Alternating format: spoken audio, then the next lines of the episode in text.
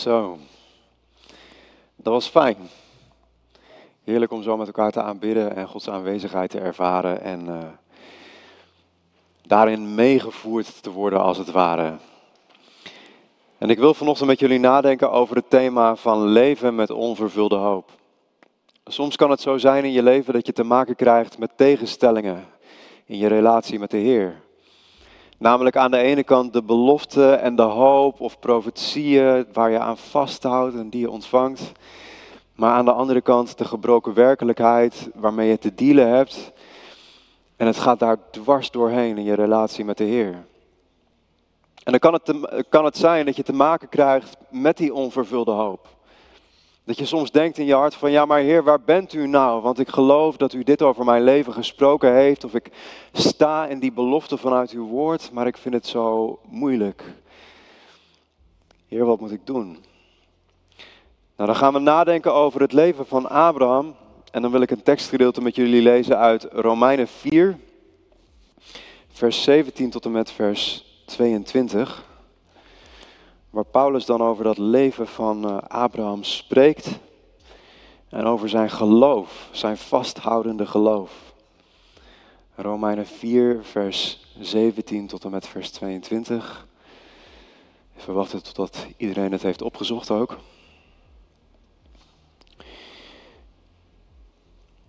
En daar staat dan het volgende. Er staat over Abraham immers geschreven ik heb je een vader van vele volken gemaakt. En hij is dit ten overstaan van God op wie hij vertrouwde, die de doden levend maakt en in het leven roept wat niet bestaat. Hoewel het eigenlijk niet kon, bleef Abraham hopen en geloven dat hij de vader van vele volken zou worden, zoals hem was beloofd. Zo talrijk zullen je nakomelingen zijn. En zijn geloof verzwakte niet toen hij ongeveer 100 jaar oud besefte dat zijn krachten hem hadden verlaten en Sarah niet langer vruchtbaar was. Hij twijfelde niet aan Gods belofte en zijn geloof verloor hij niet, in tegendeel. Hij werd erin gesterkt en bewees zo eer aan God. Hij was ervan overtuigd dat God bij machten was te doen wat hij had beloofd. En dat werd hem als een daad van gerechtigheid toegerekend. Even tot zover. Paulus laat in de Romeinenbrief in grote theologische lijnen zien wat het betekent om redding van God in je leven te ontvangen.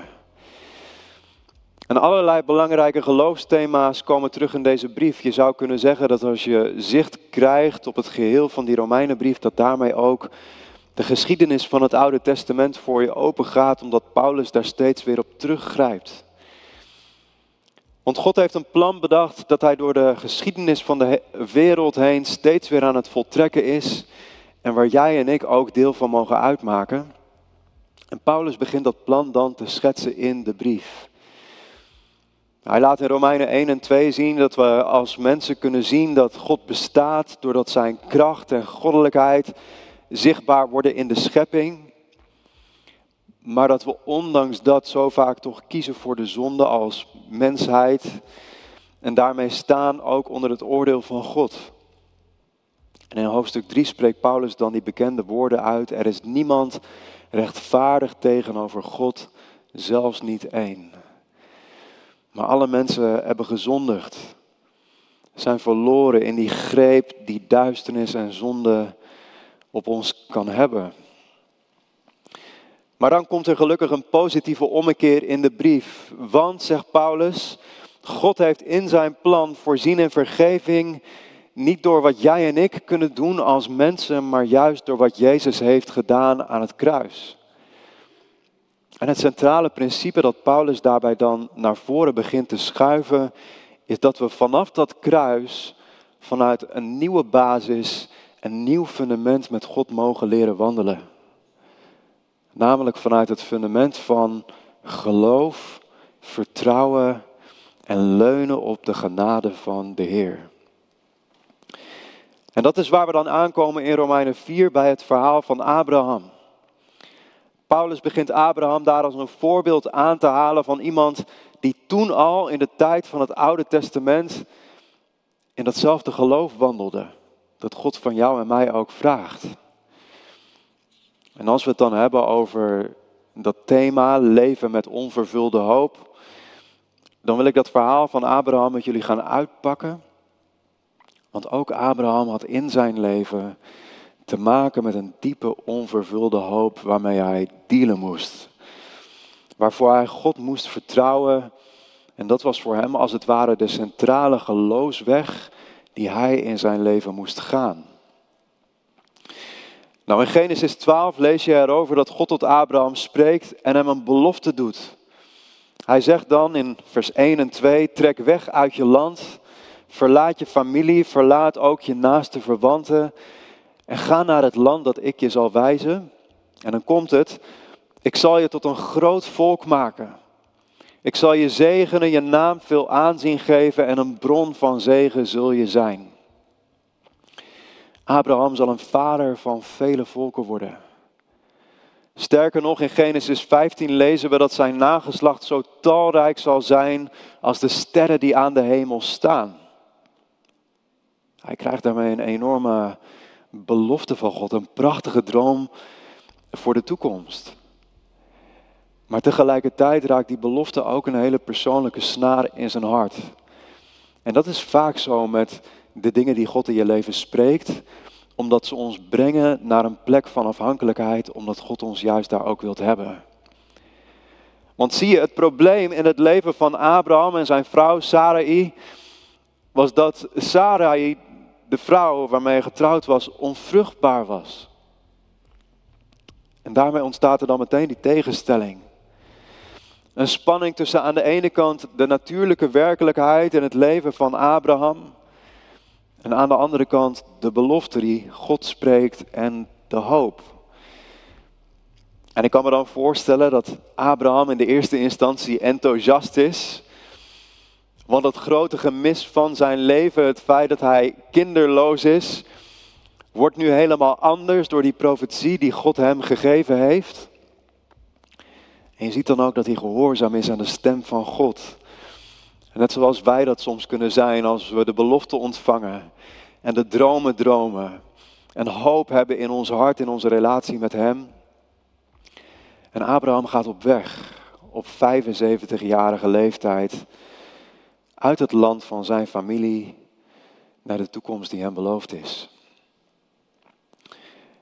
Maar dan beginnen de jaren voorbij te gaan. En waar Abraham eerst een fantastische belofte kreeg, wordt zijn geloof langzaam maar zeker op de proef gesteld. God lijkt niks te doen.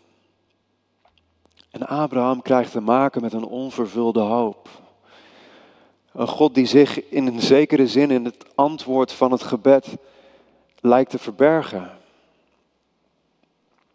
En ik weet niet of je dit herkent in je leven, maar het is vrij makkelijk om te geloven als er voor jezelf niet zoveel van afhangt. Als je bidt gewoon voor dagelijkse keuzes in je leven of voor mooi weer tijdens je vakantie. Of zelfs ook als je bidt voor situaties van andere mensen.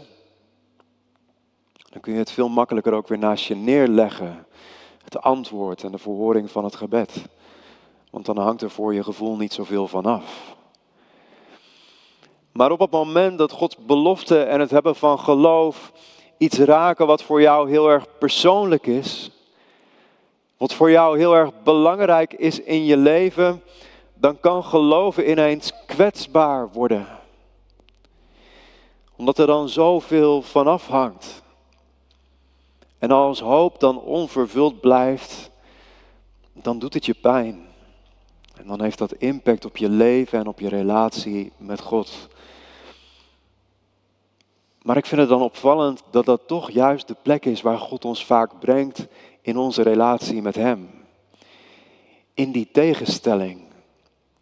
Van aan de ene kant de belofte en aan de andere kant de gebroken werkelijkheid waar we dwars doorheen moeten gaan om te komen tot de toekomst die God over ons leven spreekt. Het heeft impact.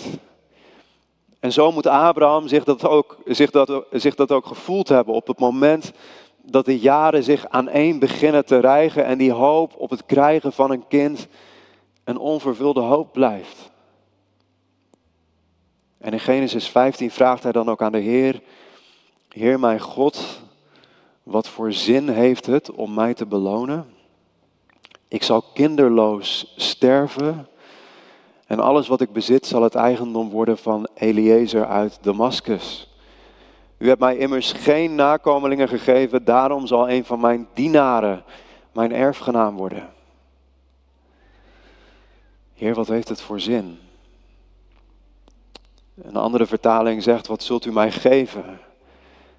Want ik zal kinderloos sterven, ondanks dat u mij die belofte heeft gedaan. Zegt Abraham daar in de tekst.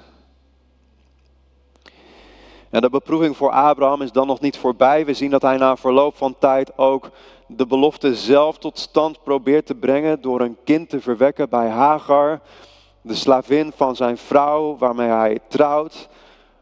Maar God blijft nog steeds opvallend stil. En uiteindelijk bijna 25 jaar nadat hij voor het eerst de belofte kreeg, verschijnt God dan opnieuw aan hem als hij 99 jaar oud is. Op het moment dat de tegenstelling tussen hoop en werkelijkheid groter dan ooit lijkt te zijn. En God vraagt hem dan weer opnieuw om, om los te laten en om te vertrouwen. En hij zegt, Abraham, je zult met Sarai een kind krijgen. Heb jij ook in je leven te maken met onvervulde hoop? En heb je te maken met dromen in je leven en verwachtingen die leefden in je hart, maar die eigenlijk gedempt en grijs zijn geworden in je relatie met God, omdat je al zo lang aan het wachten bent. Of zo lang aan het bidden bent.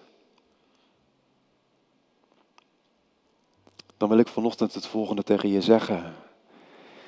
God wil juist te midden van die onvervulde hoop. En in het midden van die tegenstelling tussen werkelijkheid en belofte zo dichtbij je zijn. En wanneer je die relatie centraal weet te stellen, ook al begrijp je het niet, zul je merken dat Hij nog steeds voor je uitgaat. Hij wil je omhelzen en je bemoedigen en je vasthouden. En je hand pakken op weg naar die toekomst die Hij over je leven blijft spreken. Want wij begrijpen vaak Gods plan niet. Het is soms moeilijk om de weg te blijven zien. We weten niet wat er achter de coulissen speelt, ook qua geestelijke strijd. Het is niet duidelijk waarom de dingen in je leven gaan zoals ze gaan. Maar God wil dichtbij je zijn. Soms kan de onvervulde hoop ervoor zorgen dat we onze blik van God afhalen en bitter worden in ons hart. Maar Hij wil juist bij je zijn in de gebrokenheid. Je staat er niet alleen voor. Die relatie met Jezus geeft dan een anker en een stabiliteit in de storm. En hij wil je hart dan vullen met zijn liefde. Maar het is niet altijd makkelijk. Ik weet een verhaal, het verhaal van mijn moeder. Ik kom uit een gezin van vier kinderen.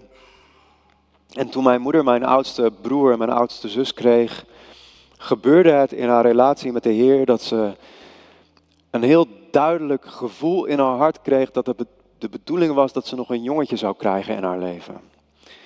En dat was niet zomaar een gevoel, maar dat bleef jarenlang leven in haar hart.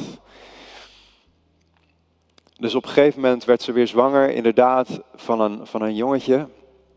Maar dat kindje werd zwaar gehandicapt geboren en stierf ook bij de geboorte. En nog steeds bleef dat gevoel daar heel erg leven van binnen.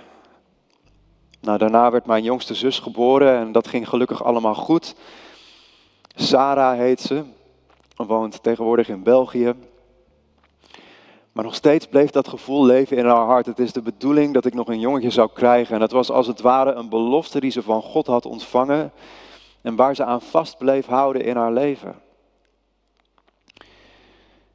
Nou, twee jaar later werd ze weer zwanger, weer van een jongetje. En ze was enthousiast, kan ik me voorstellen. Ik heb haar erover geïnterviewd een, eh, tijdje geleden van, mam, hoe is dat nou precies gegaan? Maar ze nam de kinderen mee naar het ziekenhuis voor de 20 weken echo. En toen bleek dat het hartje niet meer klopte. En dat het kindje gestorven was. Niet lang daarna werd ze weer zwanger, ook weer van een jongetje. En na drieënhalve maand ging het mis, midden in de nacht moest de dokter komen en kreeg ze een miskraam. En je moet je voorstellen dat je dan op dat moment tussen hoop en vrees leeft. Tussen aan de ene kant dat gevoel dat maar blijft leven in je hart en waar je aan vasthoudt, maar aan de andere kant die diepe gebrokenheid waarmee je steeds weer te maken krijgt in je leven. Toen drie jaar later werd mijn moeder weer zwanger voor de vierde keer van een jongetje. En na vijf maanden liet ze een echo maken en bleek het kindje weer gestorven te zijn. Vier kindjes verloren. En toen kwam mijn moeder in een hele zware depressie terecht. Ze wist niet meer hoe ze moest bidden. Ze ervoer Gods aanwezigheid in haar leven niet meer ze wist niet meer hoe het verder moest. Maar weet je wat zo bijzonder is? Op het moment dat we er zelf helemaal doorheen zitten en dat je niet meer verder kan, neemt God vaak het initiatief. Je kunt het vergelijken met Petrus die te midden van de storm over het water heen loopt en zijn ogen gericht houdt op Jezus. Maar op een gegeven moment zakt hij er doorheen, maar grijpt Jezus zijn hand vast en zorgt hij ervoor dat hij niet zinkt. En dat was bij mijn moeder ook zo. Ook al zat ze daar in die depressie, God was er nog steeds en hij sprak tot haar. En hij zei toen, ben je bereid om die hoop op dat kindje voor mij op het altaar te leggen en aan mij terug te geven zoals ik ook aan Abraham vroeg om zijn zoon Isaac op het altaar te leggen en over te geven in mijn handen. En toen zei mijn moeder, ja heer, daartoe ben ik bereid, maar wilt u me dan alstublieft ook helpen om dat emotioneel op te brengen, want ik weet gewoon niet meer hoe het verder moet. Nou, in de maanden daarna veranderde er in de eerste instantie niet zoveel. Mijn moeder bleef zwaar depressief. Maar op een gegeven moment werd ze op een ochtend wakker en toen voelde ze dat er iets veranderd was. Ze kon ineens weer blij zijn. Het was alsof die zware steen van depressie van haar hart was weggenomen. En toen ze een week later dat gevoel in haar hart aan het verkennen was, kwam ze tot de conclusie: volgens mij ben ik weer zwanger. Het was ook zo'n beetje de laatste kans om nog zwanger te worden. Ze was inmiddels 42 jaar oud. En toen ging ze een hele spannende periode in. Waarin ze heel goed in de gaten werd gehouden door de artsen. Maar negen maanden later werd er een gezond jongetje geboren. Die hier vanochtend voor jullie staat. Want dat was ik. Dus uh, ja, prijs de Heer. En uh, gelukkig maar, want ik, ik, geniet van mijn leven. Dus, uh, maar wat ik zo mooi vind, is dat het verhaal van mijn moeder niet eindigt in de onvervulde hoop. Het eindigt niet in de pijn. En het eindigt niet bij een onverhoord gebed. Maar de onvervulde hoop van mijn moeder werd door God ten goede gekeerd en veranderd in een vervuld verlangen omdat ze bleef in die relatie met Jezus. Maar soms is het nodig om die droom die je hebt en die onvervulde hoop die je met je meedraagt op het altaar te leggen en terug te geven aan God. Om opnieuw op Hem te gaan vertrouwen, ook al begrijp je het niet. En dan kan het zelfs zo zijn dat de droom die jij voor je zag niet vervuld wordt op de manier waarop jij dat voor ogen hebt, waarop jij dat wilt. Want onze eigen dromen komen niet altijd overeen met de droom die God over ons leven heeft. En de vervulling van Gods droom gaat soms dwars door de gebroken werkelijkheid heen. In Spreuken 13, vers 12 staat: Almaar onvervulde hoop maakt ziek, maar vervuld verlangen is als een levensboom. En als je zit in een situatie waarin je het niet meer weet, waarin je niet meer dromen kunt, dan is het zo belangrijk om die onvervulde hoop te durven toevertrouwen aan God. En te zeggen, Heer, ik kom er niet uit en ik snap het niet, maar ik geloof dat u een weg met mij gaat. En dan geloof ik dat God ook voor jou een vervuld verlangen in je leven heeft, die als een levensboom als het ware mag gaan groeien en vrucht mag gaan dragen voor de Heer. En ik denk dat dat het soort vertrouwen is, namelijk het blijven geloven in God zonder dat je weet waar het heen gaat, dat God ook van ons vraagt. En waar Abraham een voorbeeld in is voor ons allemaal.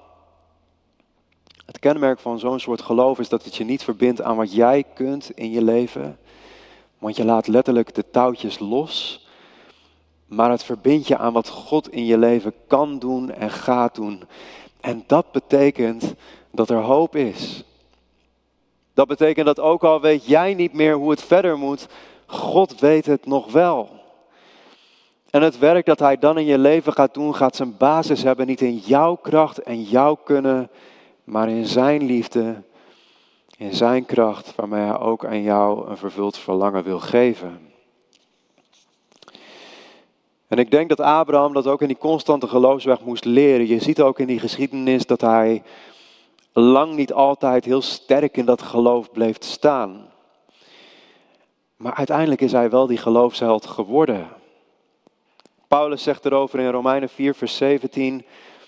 Er staat over Abraham geschreven: Ik maak je de vader van vele volken. En hij is dit ten overstaan van God die de doden levend maakt en in het leven roept wat niet bestaat. En in Hem, in die God die het onmogelijke mogelijk kan maken, stelde Hij zijn vertrouwen. Het moet een keuze zijn geweest, ook in Abrahams hart, om ondanks alles te blijven vertrouwen op die God die bovennatuurlijk kan werken in je leven. En we weten hoe het daarbij afloopt. Abraham krijgt uiteindelijk dat kind dat hem beloofd was op 100-jarige leeftijd. En het is een regelrecht wonder. En hij laat dan zo'n mooi getuigenis achter in Romeinen 4, vers 18 en 20. Zelfs toen alle hoop vervlogen was, bleef Abraham hopen en geloven dat hij de vader van vele volken zou worden, zoals hem was beloofd. Zo talrijk zullen je nakomelingen zijn. Hij twijfelde niet aan Gods belofte en zijn geloof verloor hij niet. Integendeel, hij werd erin gesterkt en bewees zo eer aan God. Ik wil alvast vragen uh, om de aanbiddingsband, de tweemansband, naar voren te komen en alvast te gaan spelen. Want het lijkt me goed om ook gewoon gelegenheid te geven voor een stuk gebed vanochtend. Het kan zijn dat deze boodschap wat bij je losmaakt en dat je merkt van ja, dit raakt mij ook in mijn leven. Dat je merkt dat ook die tegenstelling in jouw leven aanwezig is. En dat kan een hele grote tegenstelling zijn, waar je echt een wonder voor nodig hebt. Of het kan ook gewoon een tegenstelling zijn in je, in je dagelijkse wandel met de Heer, waar je mee worstelt. Misschien heb je te maken met onverhoorde gebeden waar je al lange tijd mee loopt en die je steeds maar weer bij de Heer blijft brengen. Of het kan zelfs zo zijn dat je ergens bitter bent geworden op de Heer. In je relatie met Hem, omdat je je afgewezen voelt. Want waar was God toen je door die specifieke situatie heen ging? Het kan ook zijn dat je te maken hebt met verlies, met rouw, en dat kan rouw van dit moment zijn, maar ook rouw van jaren geleden waarin je bent blijven steken, omdat je er niet met God uitkwam. Dan wil ik tegen je zeggen, God wil dicht bij je zijn in de onvervulde hoop. En het is juist zo belangrijk om die relatie met Hem te blijven zoeken en samen met Hem er doorheen te gaan, ook al begrijp je het niet. Dus ik heb begrepen dat er een, een paar bidders vanochtend zijn. En, en eh, dan wil ik jullie vragen om gewoon eigenlijk achterin even te gaan staan. En als je dan wilt komen voor gebed, voel je je helemaal vrij. Weet je, het hoeft niet, het mag. Maar dan is er in ieder geval de gelegenheid om even die worsteling van je hart samen met iemand bij God te brengen. En God daar weer in uit te nodigen en om misschien ook wel dat op het altaar te leggen voor Hem en terug te geven in zijn handen. Dus we gaan twee liederen zingen met elkaar. Bidders staan achterin. Voel je vrij om gewoon op te staan en naar ze toe te gaan. En gewoon even voor je te laten bidden en weer bemoedigd en versterkt te worden in je relatie met de Heer. En dan wil ik voor nu de preek in ieder geval ook met gebed afsluiten. Heere God, dank u wel dat u de God bent die groter is dan onze omstandigheden. En Heer, soms lijkt het alsof we daar ook door u geplaatst worden, Heer, in die tegenstelling hier in deze wereld. Van aan de ene kant dat verlangen en die hoop en die belofte uit uw woord. Maar aan de andere kant vaak ook de pijn en de gebrokenheid waar het dwars doorheen gaat. En Heer, dan bid ik u, wilt u ons helpen om juist dicht bij u te blijven, om niet bitter te worden, maar juist afhankelijk en gebroken in een relatie met u. Heer, dat we gewoon mogen merken dat u erbij bent, ondanks alles, en dat we daar troost mogen vinden. En Heer, als er dan in, in harten bitterheid gekomen is, wilt u dat dan herstellen, Heer Jezus? En wilt u daar weer ja, nieuw geloof, nieuw vertrouwen brengen? Niet een vertrouwen dat begrijpt. Heer, want die waarom-vraag blijft vaak staan, maar juist een vertrouwen dat gelooft ondanks hoe de dingen gaan. En Heer, zo dragen we alles aan u op en leggen we het allemaal in uw hand. En dan wil ik u prijzen dat u een God bent van trouw, Heer Jezus. Amen.